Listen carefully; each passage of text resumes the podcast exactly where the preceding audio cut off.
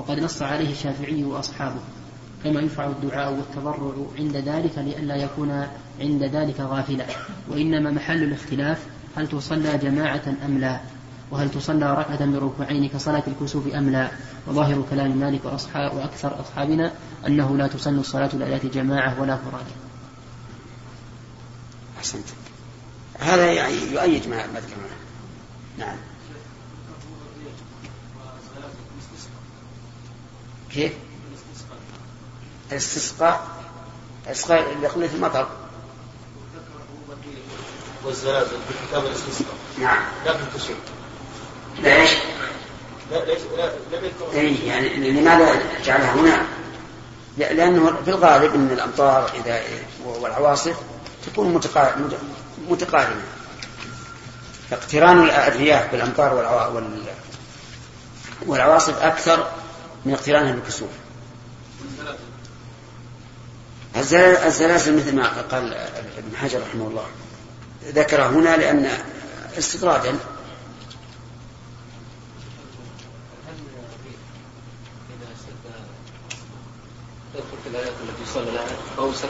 لا الريح يكتفى بما جاء به النص. بالدعاء مهما مهما كثر. اللهم اذا إلا أن تخرج إلى شيء يعني شديد جدا يعني تبقى مستمرة وفي عصر شديد. هذا ربما يقال يصلي كل إنسان في بيته ويدعو الله عز وجل أن يرفعها ثلاثة. إذا قد دقيقتين من دينا إيش؟ بالنسبة للصلاة للصلاة في خليج الايات التي تحدث فيها هذه هل يصلى عامه الناس؟ لا لا في البلاد التي يحدث فيها. أما أماكن أسفل. نعم. كما كالكسوف الكسوف إذا كان مثلا كسف القمر والشمس في مكان آخر ما يصلي هؤلاء. لها نعم. نعم. لا الأرجح أن أن تكون كصلاة الرسول عليه الصلاة والسلام. ركوعان في كل ركعة. نعم. انتهى؟ إيش؟ إذا انقضت ما ما يصلي. كما أنه إذا انجلت الشمس أو القمر في الكسوف قبل أن يعلموا فإنهم لا يصلون. لأن يعني هذا لسبب وإذا فات السبب فات المسبب.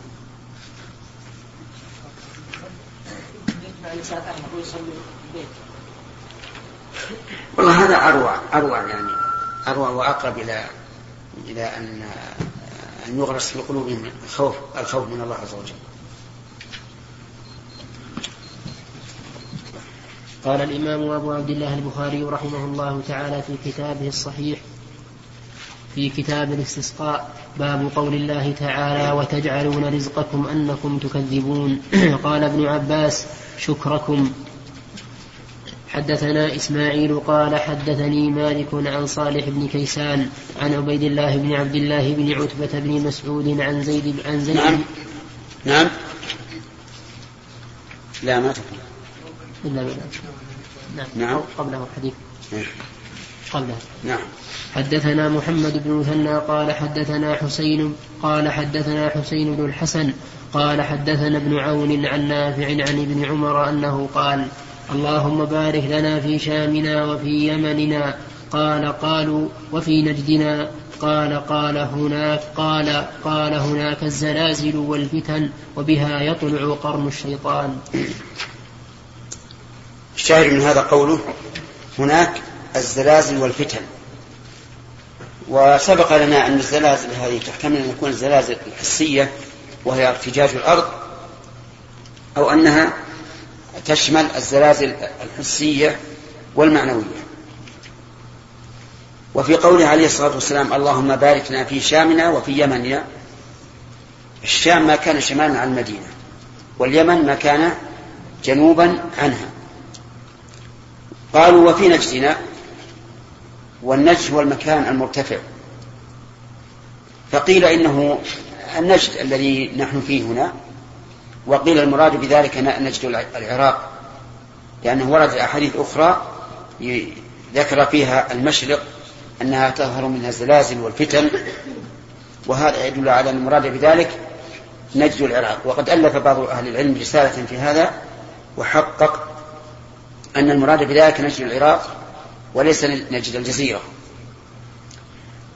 وقول بها يطلق الشيطان يعني الشمس. فإن الشيطان إذا طلعت الشمس تطلع بين قرني الشيطان. فإذا رآها المشركون سجدوا لها. وهم يسجدون للشيطان. في الحقيقة لأن الشيطان يتمثل يكون قرناه آه، على جانب الشمس عند طلوعها فيسجد لها المشركون. نعم. باب قول الله تعالى وتجعلون رزقكم أنكم تكذبون قال ابن عباس شكركم حدثنا اسماعيل يعني أن الآية على تقدير تجعلون شكر رزقكم أنكم تكذبون وتكذيبهم هذا أن ينسبوا النعمة إلى غير الله إلى شيء آخر ليس سببا فيها وهذا لا شك أنه تكذيب في فيما تكذيب في حقيقة الأمر. نعم. حدثنا إسماعيل قال حدثنا مالك عن صالح بن كيسان عن عبيد الله بن عبد الله بن عتبة بن مسعود عن زيد بن خالد الجهني أنه قال صلى, صلى لنا رسول الله صلى الله عليه وسلم صلاة الصبح بالحديبية على إثر سماء كانت من الليل فلما انصرف النبي صلى الله عليه وسلم أقبل على الناس فقال هل تدرون ماذا قال ربكم؟ قالوا الله ورسوله أعلم. قال أصبح من عبادي مؤمن بي وكافر. فأما من قال مطرنا بفضل الله ورحمته فذا فذلك مؤمن بي كافر بالكوكب. وأما من قال بنوء كذا وكذا فذلك كافر بي مؤمن بالكوكب. كانوا في الجاهلية يقولون إننا مطرنا بالنوء والنوء هو النجم إذا طلع. فينسبون المطر إلى الأنواء يعني إلى النجوم الطالعة. فبين الله بين الله سبحانه, وتعالى أن هذا كفر به وهذا حديث قدسي. بين الله به أن هذا كفر به أن ينسب المطر إلى النوء الطالع. لأن الأنواع ليست سببا للسعادة ولا سببا للشقاوة. ولا, ولا, ولا وليس لحوادث الأرض فيها علاقة. وفي هذا الحديث دليل على فوائد. منها أن النبي صلى الله عليه وسلم كان يتحين الحديث بالموعظة عند وجود السبب. لأن الرسول صلى الله عليه وسلم وعظهم بهذه الموعظة بعد أن نزل المطر ومن فوائد هذا الحديث إطلاق المطر على إطلاق السماء على المطر يقول على إثر سماء كانت من الليل ومنه قول الشاعر إذا نزل السماء بأرض قوم يعني المطر رعيناه وإن كانوا غضابا ومن فوائده أنه ينبغي للمعلم أن يعرض العلم على السامع بصيغة الاستفهام ليكون ذلك أحضر لقلبه حيث قال هل تدرون ماذا قال ربكم؟ ومعلوم أن النبي صلى الله عليه وآله وسلم يعلم أنهم لا يعلمون بذلك لكنه أتى به بصيغة الاستفهام من أجل أن يكون ذلك أنبه لهم. ومن فوائد هذا الحديث أنه ينبغي أن يقول القائل في الشيء لا يعلمه الله ورسوله أعلم. وهذا في الأمور الشرعية. أما الأمور الكونية فبعد موت الرسول عليه الصلاة والسلام لا يمكن أن يعلمها.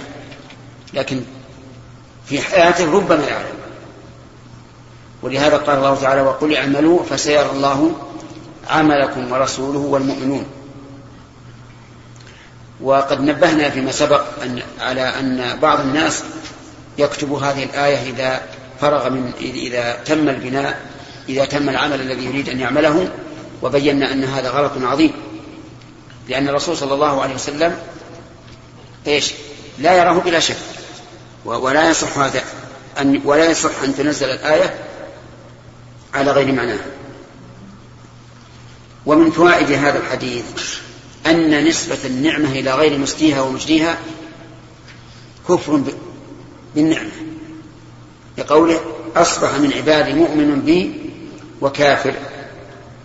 وذلك بنسبة المطر إلى غير الله عز وجل. فإن قال قائل لو قال الشخص مطرنا في نوع كذا أي في هذا الوقت فهل يدخل في هذا الحديث؟ الجواب لا. ولهذا قال العلماء يحرم أن يقول مطرنا بنوع كذا ويحل أن يقول بنوع في نوع كذا. والفرق بينهما ظاهر لأن بنوع كذا الباء للسببية والنوع ليس سبب المطر بل فضل الله ورحمته هو السبب وفي نوع في للظرفية وهو حق. يقال مطلنا في النوع الفلاني لا بأس. ومن فوائد هذا هذا الحديث أن الكافر يكون عبدا لله لكن بالمعنى العام. فإن الخلق كلهم كلهم عباد الله. لكن بالمعنى العام كما قال الله تعالى إن كل من في السماوات والأرض إلا آتي الرحمن عبدا.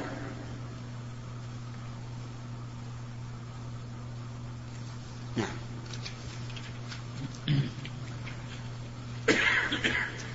باب لا. باب لا يدري متى يجيء المطر إلا الله وقال أبو هريرة عن النبي صلى الله عليه وسلم خمس لا يعلمهن إلا الله حدثنا محمد بن يوسف قال حدثنا سفيان عن عبد الله بن دينار عن ابن عمر أنه قال قال رسول الله صلى الله عليه وسلم مفتاح الغيب خمس لا يعلمها إلا الله لا يعلم أحد ما يكون في غد ولا يعلم أحد ما يكون في الأرحام ولا تعلم نفس ماذا تكسب غدا وما تدري نفس بأي أرض تموت وما يدري أحد متى يجيء المطر. نعم لا أحد يعلم متى يأتي المطر إلا الله عز وجل. ولا يرد على هذا ما يحصل من تخرصات الفلكيين بأنه في خلال 24 ساعة يكون المطر. لأن هذا حسب التتبع يكون فيه خطأ كثير. وثانيا هم يعلمون ذلك لا علم غيب ولكن علم ولكن علم محسوس. لأن الجو بإذن الله يكون متهيئا لسوء الغيب والسحاب والأمطار. فيكون استناد خبرهم هذا إلى إلى أي شيء؟ إلى أمر محسوس لا إلى علم غيب ولذلك لا يستطيعون أن يقولوا إنه سيكون مطر بعد شهر أو شهرين أو سنة أو سنتين. فلا يدري متى يجي المطر إلا الله عز وجل. ثم إن الله تبارك وتعالى قال في الآية ينزل الغيث. حتى لو علموا بنزول المطر فإنهم لن يعلموا أنه غيث. لأن المطر قد يكون غيثا منجيا من الشدة وقد وقد لا يكون. كما جاء في الحديث الصحيح ليست السنة ألا تمطروا إنما السنة أن تمطروا ولا تنبت الأرض شيئا. وقول مفاتح الغيب وفيه فيه نسختان عندي مفاتح ومفتاح. ومفاتح هي التي تطابق الآية. ذكرها الله في قول إن الله عنده علم الساعة. وينزل الغيث. ويعلم ما في الأرحام. وفي هذا الحديث الذي ساقه عن ابن عمر سقوط ذكر الساعة. وذكر شيئين معناهما سواء أو أو مقارب فيكون في هذا الحديث إسقاط ما هو ثابت في القرآن وتكرار شيء متشابه. فلننظر. لا يعلم أحد ما يكون في غد. هذا بمعنى ولا تعلم نفس ماذا تكسب غدا. ويجعل بدلها لا يعلم متى تقوم الساعة إلا الله. ولا يعلم أحد ما يكون في الأرحام. وهذا قبل أن يخلق. أما بعد أن يخلق فإن الملائكة الموكلة بالأرحام تعلمه. وكذلك في الوقت الحاضر الأشعة التي يسلطونها على بطن الحامل يعرفون بها الولد من الذكر من الأنثى. ولا تعلم نفس ما تكسب غدا وهذا صحيح. الإنسان قد يقدر أنه سيفعل غدا كذا وكذا ولكن هل هو يعلم أنه سيكون هذا؟ لا هذا شيء تقدير في تقديره وقد يكون وقد لا يكون. وما تدري نفس بأي أرض تموت. هذا أيضا حق. لا أحد يدري أين يموت. هل يموت في الشارع في بيته في المسجد في البر في بلد آخر؟ لا يعلم هذا. وكم من إنسان مات في أرض بعيدة من بلاده ولا كان يقدر أنه يذهب إليها فضلا عن أن يموت فيها. وإذا كان نادي بأي أرض يموت فمن باب أولى أن لا يدري بأي وقت يموت.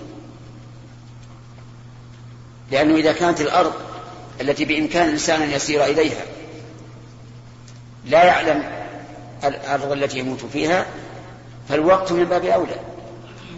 أن لا يدري متى يموت.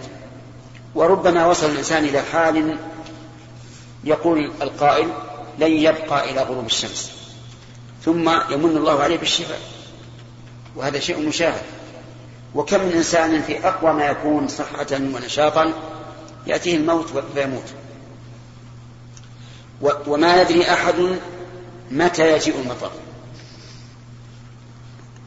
هذا صحيح. المطر لا أحد يدري متى يجيء لكن كما قلنا لكم قبل قليل إن الله سبحانه وتعالى قد يطلع العباد بواسطة أمور محسوسة على قرب نزول المطر وعلى بيان الكمية لكن على وجه الظن والتخمين. لا تدري نفس بأي أرض تموت. آه، ذكرنا سابقا قصة عجيبة تؤيد هذا. من يحفظها؟ عبد الله. مرة يعني اصطلنا أن أن رجلا ذهب بأمه إلى الحج. نعم. وأنه بعدما قضوا الحج أرادوا العودة إلى منطقته وركبت معه وصارت يعني الراحلة إلى عكس المنطقة التي التي يسكن هذه ومضى لهم يعني مسافة. نزلوا بهذه ببلدة يعني ليست ولا كان لبال أن يذهب إليها يعني الراحة يعني توفيت هذا الحديث أو معناه؟ على كل حال القصة قليلة من هذا هو أن الحجاج لما قفلوا من مكة ونزلوا في في الريع الجبال اللي حول مكة هناك نزلوا في آخر الليل ثم شدوا يمشون. هذا كان معه أم مريضة وكان يمرضها وكان يصلح لها المكان على راحلته فتخلف عن القوم. ثم انتهى من تهيئة المكان لوالدته ومشى وظل الطريق وارتفعت الشمس وهو لا يدري أين الطريق. فإذا بخباء بدو فعرج إليه. وسألهم أين طريق نجد؟ قالوا طريق نجد بعيد. لكن انزل واسترح حتى تعلم الطريق. ندلك على الطريق. فنزل ومن حين أنزل والدته في الأرض قبض الله روحه. هذه أرض ما كان يحلم بها ولا أتاها عن قصد وإنما عن ضياع. فهذا يصدق الآية الكريمة. أمر واقع وأشياء كثيرة. الآن الحوادث التي تحدث في الطرق ويموت الإنسان من حين الحادث هل كان يقدر أنه سيموت في هذا المكان؟ أبدا. يعني كان يقدر الإنسان يموت في مدينة أو قرية أو ما أشبه ذلك؟ ومع هذا يموت في الأرض التي أراد الله عز وجل. وكذلك أيضا الوقت. كما قلت لكم قبل قليل أحيانا يدنف الإنسان من المرض. ويقال لن يبقى إلى الغروب أو إلى الشروق فإذا به يعافى ويشفى. نعم. نعم يا سليم. عاد سعد نعم.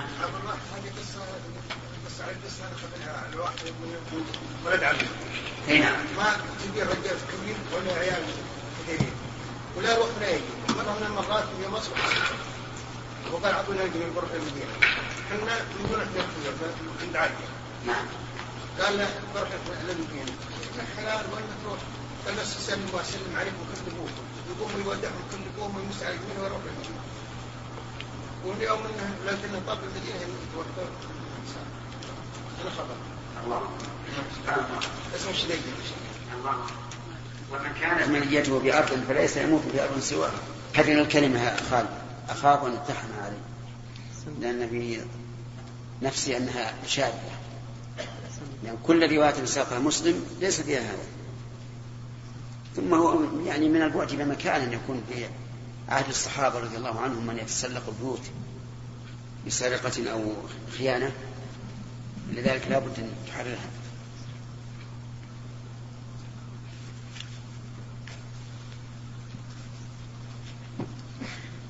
نعم. بسم الله الرحمن الرحيم. الحمد لله رب العالمين والصلاة والسلام على أشرف الأنبياء والمرسلين نبينا محمد وعلى آله وأصحابه أجمعين. أما بعد فقد قال الإمام البخاري رحمه الله تعالى كتاب الكسوف باب الصلاة في كسوف الشمس. حدثنا عمرو بن عون قال حدثنا يجب أن نعلم ما هو الكسوف.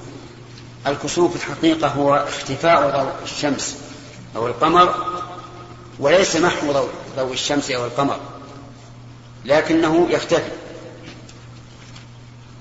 أما الشمس فإنه يختفي نورها بالقمر إذا حال بينها وبين الأرض.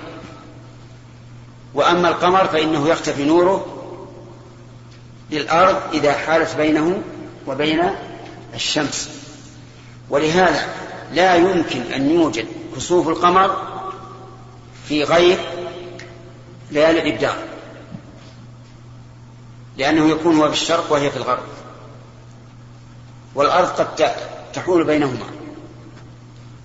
ولهذا خطأ شيخ الإسلام رحمه الله قول بعض الفقهاء إنه إذا وقع الكسوف في عرفة صلى ثم دفع. وقال هذا لا يمكن. لأن هذه الليلة تصادف ليلة عشر ولا يمكن أن يقع الكسوف هذا لكن قد يعتذر عن الفقهاء الذين قالوا ذلك بأن الفقهاء رحمهم الله يفرضون مسائل قد لا تقع ولكن لتمرين الطالب. كذلك لا يمكن أن يوجد خسوف الشمس في غير ليالي الإسرار يعني أو الاستسرار يعني آخر آخر الشهر.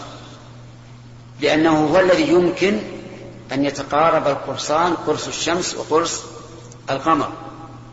فلو قال قائل هل يمكن أن تنكسف الشمس في نصف الشهر؟ فالجواب لا يمكن. لا يمكن. هو ليس ليس مستحيلا على قدرة الله عز وجل لكن أجر الله عز وجل العادة أن لا يكون الكسوف في مثل هذا اليوم. كما لو قال قائل هل يمكن أن تخرج الشمس نصف الليل؟ نقول حسب العادة لا يمكن لكن بأمر الله يمكن. هذا الكسوف له سبب حسي معلوم عند الناس وهو حيلولة الأرض بين الشمس والقمر في إيش؟ في كسوف القمر. في كسوف القمر.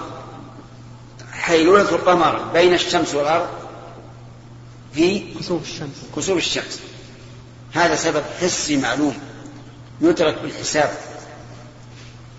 لكن هل من المستحسن أن يبين للناس هذا من أجل أن يستعدوا له في وقته؟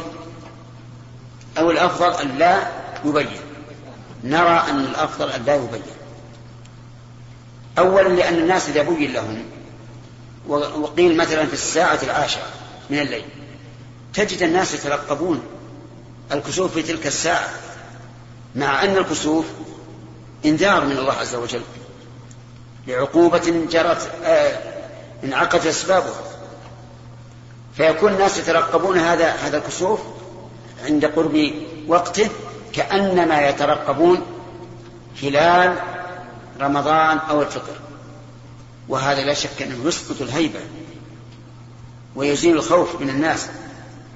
ولهذا كنا في زمن مضى إذا حدث الكسوف تجد أن تجد رهبة عظيمة من الناس وبكاء شديدا ويخرجون إلى المساجد خاشعين متذللين. الآن أصبح وكأنه أمر عادي بسبب نشر أخباره قبل أن يقع. وأما قوله يتأهب فنقول إذا حدث لكل حادث حديث إذا حدث تأهب الناس. والرسول عليه الصلاة والسلام لم يأمرنا أن نتأهب قبل أن يوجد. بل قال إذا رأيتم ذلك فافزعوا إلى ذكر الله. فلهذا نرى أن من الخطأ أن ينشر في التقاويم أو غير التقاويم متى يكون الكسوف. دعوا الناس. وقد يكون الكسوف كسوفا اصطلاحيا وليس كسوفا شرعيا بمعنى أن يكون الكسوف ظلا فقط. فيقل الضوء في الشمس أو في القمر ولكن النور باقي. فهو كسوف عندهم عند علماء الفلك لكنه ليس كسوفا شرعيا لأنه لا, لا, لا يؤثر على ضوء القمر أو ضوء الشمس. أما صلاة الكسوف فإنها صلاة غريبة. لأنها لحادثة غريبة فتطابق الشرع والقدر. القدر في الكسوف أمر غريب. ليس كغيبوبة الشمس أو طلوع الفجر لكنه شيء غريب. فلهذا كانت من كان من حكمة الشريعة العظيمة أن تكون الصلاة أيضا إيه؟ غريبة. لا نظير لها في الصلوات. ولم يقع الكسوف بعد الهجرة إلا مرة واحدة فقط وهو كسوف الشمس. بعد أن ارتفعت بمقدار الرمح كسفت كسوفا كليا حتى صارت كأنها قطعة نحاس وضبط الناس لها لأن الكسوف الكلي يعني فيه رهبة عظيمة. ترى النجوم في النهار وترى السماء ليست كالعادة زرقاء أو أو شهباء أو ما أشبه ذلك تجدها كأنها خضراء. ويكون فيه رهبة شديدة جدا. ولهذا فزع النبي عليه الصلاة والسلام فزعا عظيما. حتى إنه لحق بردائه وجعله على بعض كتفيه وصار يجر بشدة فزعه عليه الصلاة والسلام. وأراه الله تعالى في تلك الصلاة من الآيات ما لم يكن يره من قبل. فهو حدث عظيم يجب أن نعظمه. وما يدرينا لعل العقوبة قريبة. ما الذي يدرينا؟ أن تكون زلازل أو أن يكون فساد في الأرض أو ما أشبه ذلك. لأن النبي صلى الله عليه وسلم يقول يخوف الله بهما عباده. نعم. حدثنا عمرو بن عون قال حدثنا خالد عن يونس عن الحسن عن أبي بكرة أنه قال كنا عند رسول الله صلى الله عليه وسلم فانكسفت الشمس فقام النبي صلى الله عليه وسلم يجر رداءه حتى دخل المسجد فدخلنا فصلى بنا ركعتين حتى انجلت الشمس فقام صلى الله عليه وسلم فقال صلى الله عليه وسلم إن الشمس والقمر لا ينكسفان لموت أحد فإذا رأيتموهما فصلوا وادعوا حتى يكشف ما بكم. قال هذا إن إن الشمس والقمر لا يكسبان لموت أحد لأنهم في الجاهلية يعتقدون أن الشمس والقمر لا ينكسفان إلا لموت عظيم. وصادف أن مات إبراهيم بن النبي صلى الله عليه وسلم ورضي الله عن ابنه وكسفت الشمس في ذلك اليوم. فقالوا كسفت الشمس من موت إبراهيم. فأراد النبي صلى الله عليه وسلم أن ينفو هذه هذه العقيدة من قلوب الناس وأن يبين أن الشمس والقمر لا يتأثران بما يحدث في الأرض. ولكنهما آيتان. وقوله عليه الصلاة والسلام إذا رأيتموهما أي كاسفين. فالمفعول الثاني محذوف. وليس المعنى إذا رأيتم الشمس والقمر. لا. إذا رأيتموها رأيتموهما إيش؟ كاسفين. فصلوا وادعوا حتى يكشف ما بكم نعم حدثنا شهاب بن عباد قال حدثنا إبراهيم بن حميد عن إسماعيل عن قيس قال سمعت أبا مسعود يقول قال النبي صلى الله عليه وسلم إن الشمس والقمر لا ينكسفان لموت أحد من الناس ولكنهما آيتان من آيات الله فإذا رأيتموهما فقوموا فصلوا قوله فقوموا وصلوا. هل هذا للوجوب أو للاستحباب؟ أكثر العلماء على أنه للاستحباب. ودليلهم حديث الأعرابي لما ذكر له النبي صلى الله عليه وعلى آله وسلم الصلوات الخمس قال هل علي غيرها؟ قال لا إلا أن تتطوع والحقيقة أن هذا لا يدل على ما ذهبوا إليه. لأن ما, ذكره الرسول عليه الصلاة والسلام في صلاة الكسوف ذكره لسبب. وحديث الأعرابي إنما أراد أن يبين له الصلوات المفروضة كل يوم بدون سبب. ولهذا يمكن أن نستدل به أي بحديث الأعرابي على أن الوتر ليس بواجب. لأن الوتر يتقيد بالوقت لا بالسبب. أما أن نستدل به على عدم وجوب صلاة الكسوف وعلى عدم وجوب صلاة العيدين وعلى عدم وجوب تحية المسجد وما أشبه ذلك مما اختلف به العلماء فليس فيه دليل. ولهذا نرى أن صلاة الكسوف فرض كفاية. إذا قام بها من يكفي سقط عن الباقي وإن تركها الناس كلهم أثموا كلهم. لأنه لا يمكن أن يكون الله عز وجل ينذرنا بهذه الآيات ثم نبقى على فرشنا أو في ملاعبنا أو ما أشبه ذلك. هذا على الأقل فيه سوء أدب مع الله وعدم اكتراث بإنذاره تبارك وتعالى. فهي فرض كفاية لا شك فيها عندي وأنه لا يجوز للمسلمين أن يدعوه أن يدعوا صلاة الرسول. نعم. حدثنا أصبغ.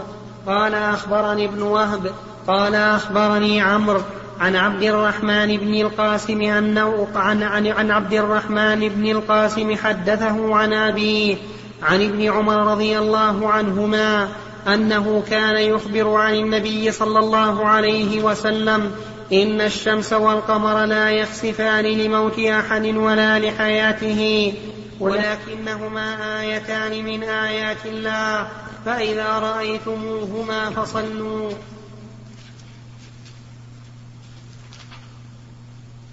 حدثنا عبد الله بن محمد قال حدثنا هاشم بن القاسم قال حدثنا شيبان أبو معاوية عن زياد بن علاقة عن زياد بن علاقة عن المغيرة بن شعبة أنه قال كسبت الشمس على عهد رسول الله صلى الله عليه وسلم يوم مات إبراهيم.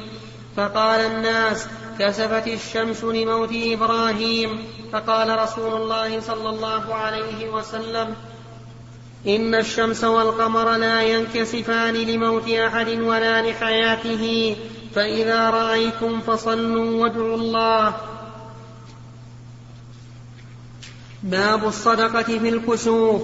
حدثنا عبد الله بن مسلمة عن مالك عن هشام بن عروة عن أبيه عن عائشة أنها قالت كسفت خسفت الشمس في عهد رسول الله صلى الله عليه وسلم فصلى رسول الله صلى الله عليه وسلم. في قولها خسفت رد لقول من يقول إن خسف للقمر وكسف للشمس. بل هو جائز لهذا وهذا. وكذلك الألفاظ السابقة بعضها لا يخسفان وبعضها لا ينكسفان خسفت الشمس في عهد رسول الله صلى الله عليه وسلم فصلى رسول الله صلى الله عليه وسلم بالناس فقام فأطال القيام ثم ركع فأطال الركوع ثم قام فأطال القيام وهو دون القيام الأول. ثم ركع فأطال الركوع وهو دون الركوع الأول ثم سجد فأطال السجود ثم فعل في الركعة الثانية مثل ما فعل في الأولى ثم انصرف وقد انجلت الشمس فخطب الناس فحمد الله وأثنى عليه ثم قال إن الشمس والقمر آيتان من آيات الله لا ينخسفان لموت أحد ولا لحياته. فإذا رأيتم ذلك فادعوا الله وكبروا وصلوا وتصدقوا. ثم قال يا أمة محمد والله ما من أحد أغير من الله أن يزني عبده أو تزني أمته. يا أمة محمد والله لو تعلمون ما أعلم لضحكتم قليلا ولبكيتم كثيرا. هذا فيه تفصيل الركعتين اللتين كان النبي صلى الله عليه وسلم يصليهما في الكسوف يقوم قياما طويلا. نحو سورة البقرة. ثم يركع ركوعا طويلا طويلا طويلا. ثم يقوم فيقرأ الفاتحة وسورة. طويلة لكن دون الأولى. ثم يركع ويطيل لكنه دون الأول. ثم يرفع فيطيل القيام على نحو الركوع ثم يسجد سجدتين طويلتين طويلتين وبينهما جلوس بقدر السجدة. ثم يفعل في الثاني كذلك لكن دونها في كل ما يفعل. وفي هذا الحديث دليل على الخطبة بعد صلاة الخشوع. وهل هي من خطب العوارض أو من الخطب الثوابت؟ على قولين للعلماء. ووجه اختلاف العلماء في ذلك أن الكسوف لم يقع إلا مرة واحدة في عهد الرسول عليه الصلاة والسلام. وفي هذه المرة خطأ. فهل خطب لمناسبة موت إبراهيم رضي الله عنه ليبين فساد العقيدة عند العرب؟ أو إنه خطب لأهمية الأمر؟ الثاني هو الصواب. ولهذا نقول إنه يسن الخطبة في صلاة الكسوف. لكنها بعد الصلاة. وإنما كانت بعدها لئلا يفوت الوقت فينجلي الكسوف قبل أن يصلي. والصلاة في الكسوف أهم. فيصلي ثم يخطب. وينبغي أن تكون الخطبة خطبة بليغة مؤثرة كما فعل الرسول عليه الصلاة والسلام. ذكر النبي عليه الصلاة والسلام أن إذا وقع الكسوف أمر بأربعة أشياء الدعاء والتكبير والصلاة والصدقة. لكن هل التكبير كتكبير العيد؟ الله أكبر الله أكبر لا إله إلا الله الله أكبر الله أكبر ولله الحمد أو تكبير مفرد لا لا يقترن معه شيء الظاهر الثاني الظاهر الثاني. وهل يجهر به؟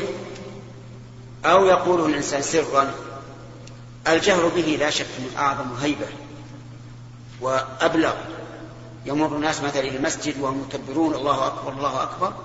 لا شك أن هذا يثير المشاعر ويحدث الرهبة. لكني لا أعلم إلى ساعة هذه أن الصحابة كانوا يكبرون جهرا. ولكن قد يقال أن الرسول عليه الصلاة والسلام أمر بالتكبير بعد انتهاء الكسوف. فهل كان الصحابة يكبرون جهرا لو وقع الكسوف؟ هذا يحتاج إلى دليل. و وفيه أيضا في هذا الحديث الخطبة الرهيبة أن أن الله عز وجل يغار غير أعظم من أي غير أن يزني عبده أو تزني أمته. ففي هذا التحذير البليغ من الزنا لا من الرجال ولا من النساء. ولهذا قال ربنا عز وجل ولا تقربوا الزنا ولم يقل ولا تزنوا يعني ابتعدوا عن الزنا ما استطعتم لأن الزنا نسأل الله أن يحمينا وإياكم منه أشد ما يكون أن الله ما من أحد أغير من الله أن يزني عبده أو تزني أمته. أسباب هذا هذه الفعلة القبيحة الشنيعة في عصرنا الحاضر كثيرة. يوجد في الصحف في المجلات في في القنوات الفضائية ما يدعو إلى الزنا دعاء حثيثا والعياذ بالله. بل إلى اللواط كما حدثنا بعض الناس أنهم شاهدوا في القنوات الفضائية رجال يتلوط بعضهم ببعض نسأل الله العافية. وهذا مما يدل على قبح هذه الأفعال وأنه يجب علينا نحن طلبة العلم أن نحذر الناس منها. وأن نبين في كل مجالسنا أن أمرها خطير وعظيم. وفي هذا الحديث إثبات الغيرة لله عز وجل. إثبات الغيرة. وهي صفة حقيقية ثابتة لله عز وجل لكنها أعظم من غيرته وأبلغ. ولقد قال النبي صلى الله عليه وسلم حينما قال سعد بن عبادة رضي الله عنه أجد لك يعني على أهلي فأذهب أطلب أربعة شهور والله لأضربنه بالسيف غير مصفح. يعني يضربه إيش؟ بحد غير مصفح فقال النبي صلى الله عليه وعلى آله وسلم ألا تعجبون من غير سعد؟ والله إني لأغير من سعد. والله أغير مني. ثم أنزل الله الفرج بأن الذين يرمون أزواجهم يعني لا, لا يعاملون معاملة الآخرين بل يجرى بينهم اللعان وفيه أيضا شدة قوة النبي صلى الله عليه وسلم وصبره حيث قال والله لو تعلمون ما أعلم لضحكتم قليلا ولبكيتم كثيرا.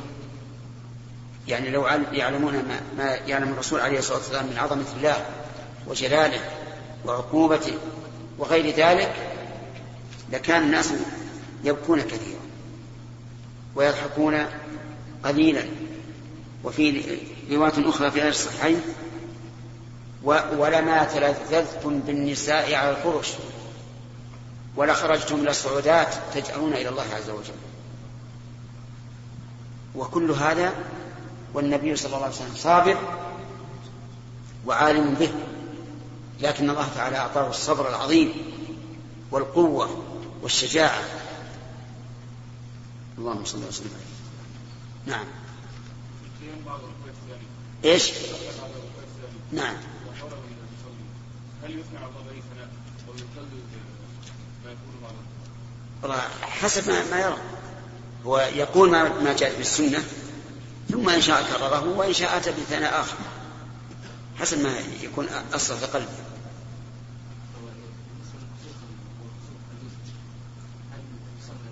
نعم. يشترط الكسوف الكلي والجزء. لكن أحيانا ما يتبين خصوصا في الشمس. يكون المنثر منها قليلا ولا يتبين ولا تتأثر. آه، آه، نور الشمس فهذا لا يوصل له. لابد أن نعرف أنه حصل كسوف نعم.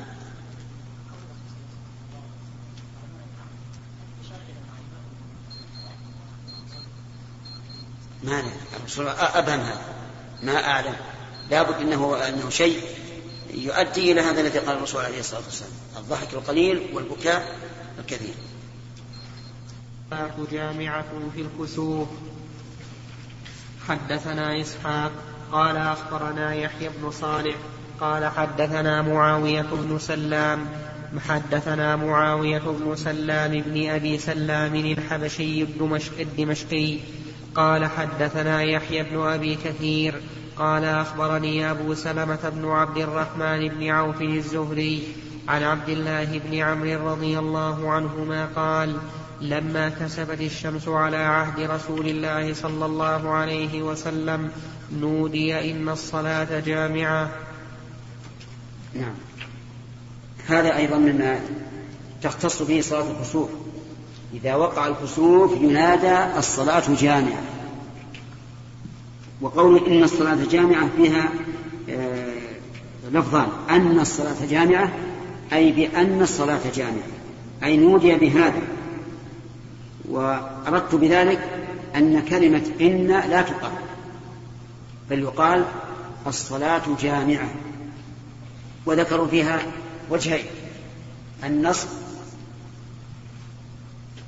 والرفع الصلاة جامعة.